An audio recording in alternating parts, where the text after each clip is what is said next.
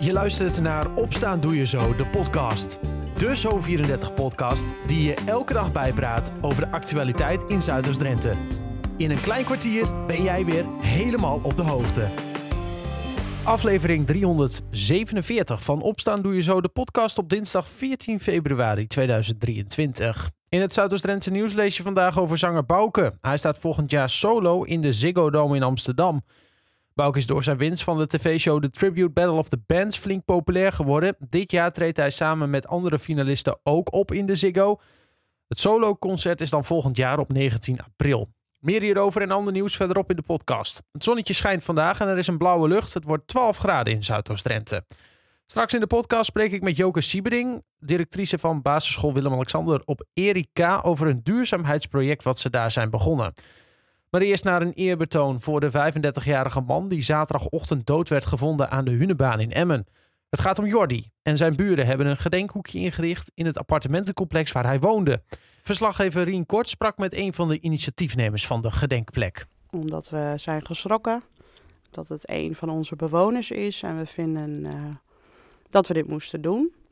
En gewoon een gebaar te maken dat we hierbij stil willen staan en voor een ieder uh, die met ons hier woont, die daar uh, gehoor aan kan geven. Ook andere mensen uiteraard, maar gewoon namens de bewoners vinden we dit uh, heel belangrijk om even te doen. En bij stil te staan, dat is niet zomaar iets. Absoluut. Uh, ik zie kaarsjes, ik zie een vaas met bloemen. Ik zoek een boek waar mensen kunnen optekenen. Ja, dat klopt. Hoe ze hem... Ja, we hebben een tweetal kaarten neergezet waar mensen iets op kunnen zetten. En een boek er zijn wel eens hè, mensen die hem misschien wel dichterbij stonden, die daar toch een mooi verhaal in kunnen zetten over hem.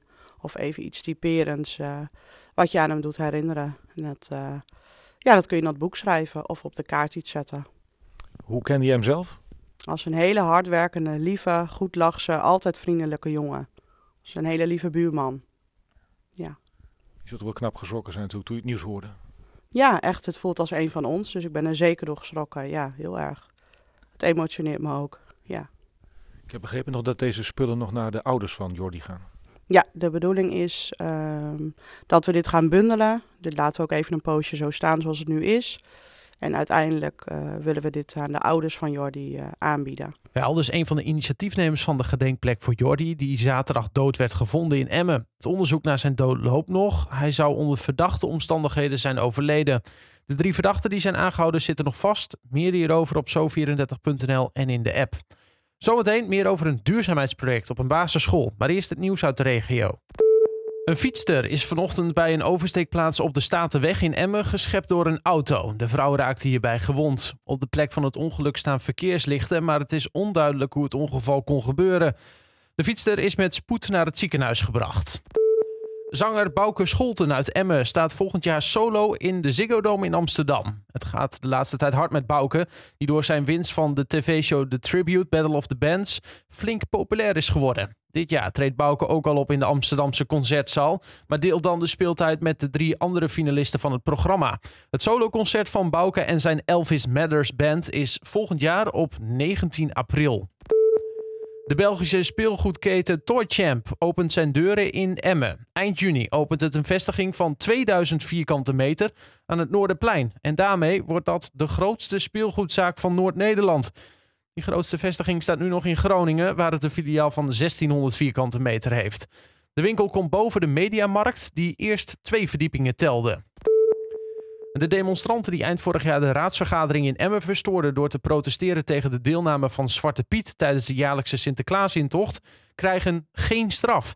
De rechter oordeelde gisteren dat de politie een stap te ver is gegaan tijdens de arrestaties van de demonstranten. Zo werden de demonstranten meegenomen naar het bureau, terwijl hen de optie geboden had moeten worden om buiten verder te demonstreren. Dat is niet gebeurd. Eén of meerdere nepcollectanten gaan in Emmekopaskum en Wijtenveen langs de deuren om namens de voedselbank geld te vragen. De voedselbank Zuidoost-Drenthe laat weten nooit huis aan huis te collecteren en waarschuwt dan ook voor oplichtingspraktijken. En tot slot nog sportvoetbal. FCM heeft spits Danny Hoesen aan de selectie toegevoegd.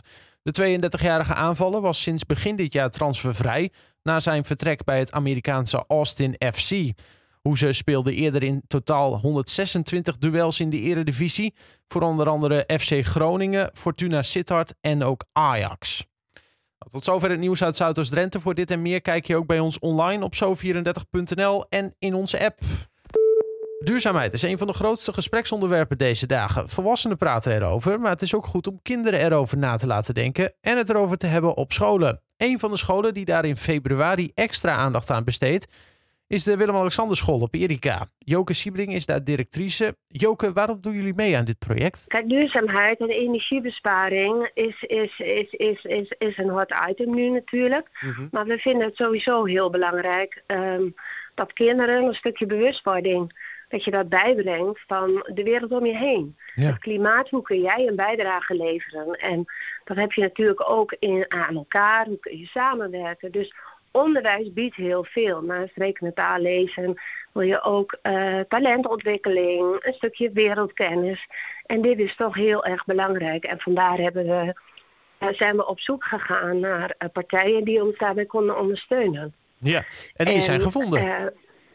en die zijn gevonden, ja. We hebben contact gelegd met Collection. En Collection, dat is een ehm, duurzaamheidsbeweging geleid door jongeren. Dus die zijn heel actief, eigenlijk wereldwijd.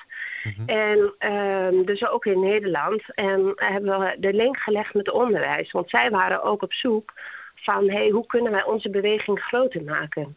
Dus toen kwamen we in gesprek en toen gaf ik ook wel aan, als je onderwijs, als je jonge kinderen betrekt, die nemen het mee naar hun huis, bespreken het met hun ouders. En gewoon om, om, om het dus onder de aandacht te brengen. Dus dat stukje bewustwording. Ja. En we hebben contact gezocht met de gemeente. En dat was een hele fijne samenwerking. Dus de gemeente die, eh, die vond het ook heel erg belangrijk. En morgenochtend komt dus de wethouder om ons eh, project, morgenochtend hebben we een energiefeest, om dat project te openen. Dus daar zijn we heel blij mee. ja, dat kan ik me voorstellen. 1 februari is Ja. dus die eh, actiemaand, om het zo maar te zeggen, ingegaan. Het heet Ja. Steun je school. Ehm, wat gebeurt er allemaal in die maand? Los van nou, kinderen misschien wel bijbrengen rondom thema energie. Nou, op 1 februari hebben de kinderen allemaal een, eh, een doelenkaart gekregen. En daarop staat bijvoorbeeld het doel, of het doel ehm, douchen. Ja. Van hoeveel minuten douchen. En de kinderen kunnen de hele maand februari bijhouden. Nou ja, ze kunnen daarop schrijven hoe lang ze hebben gedoucht, waar de thermostaat op staat.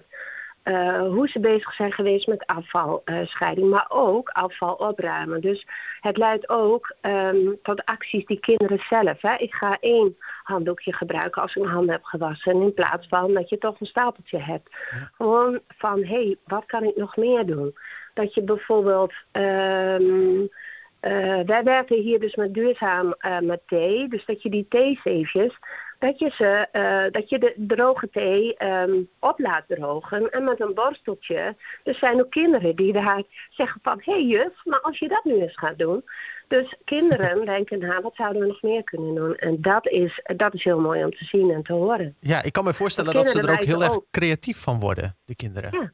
Ja. Ja. en heel erg mee bezig zijn. Want kinderen weten zoveel meer dan wij denken. Ja, ja die zijn nog een beetje, een beetje blanco met de gedachten, hè? dus die Ja. kunnen daar wat bij Ja. bedenken allemaal. Ja, ja en ook out of the box denken. En heel veel met volwassenen, ja maar.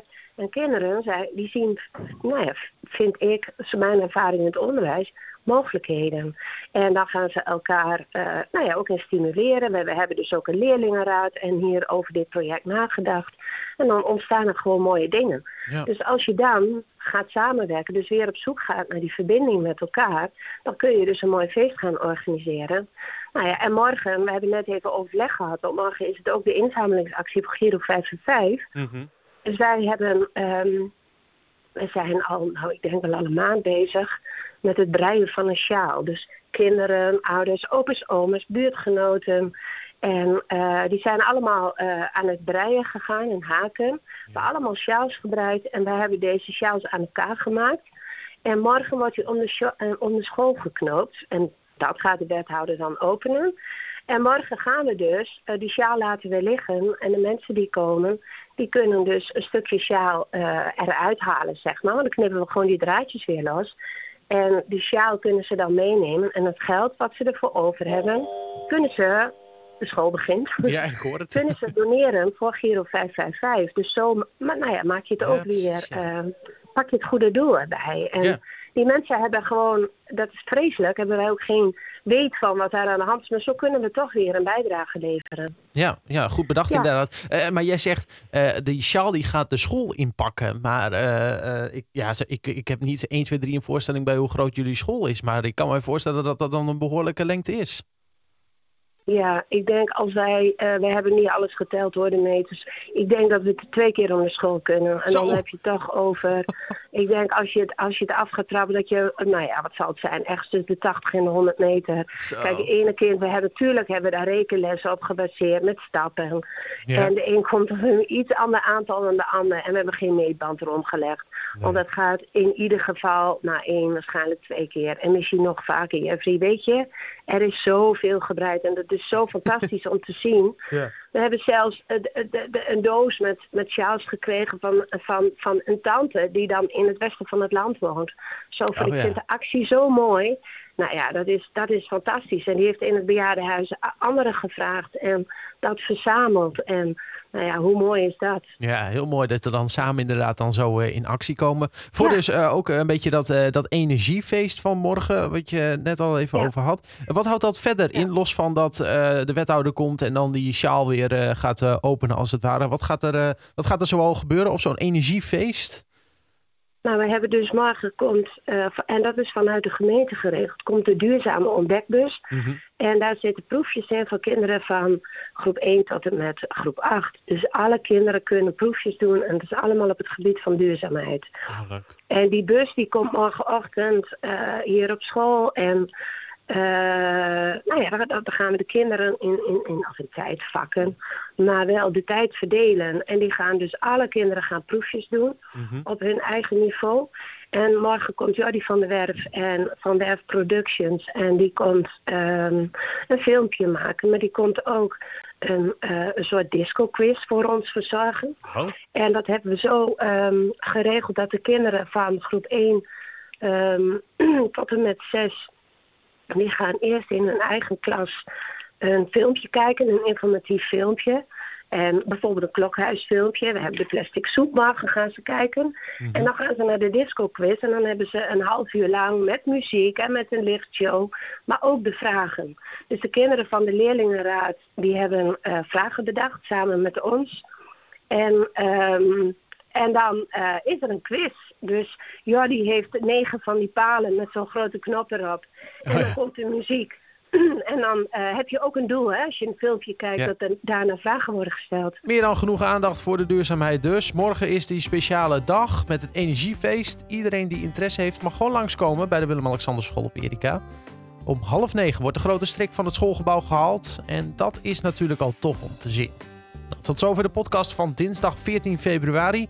Morgen weer een nieuwe aflevering. Graag tot dan en voor nu een fijne dag.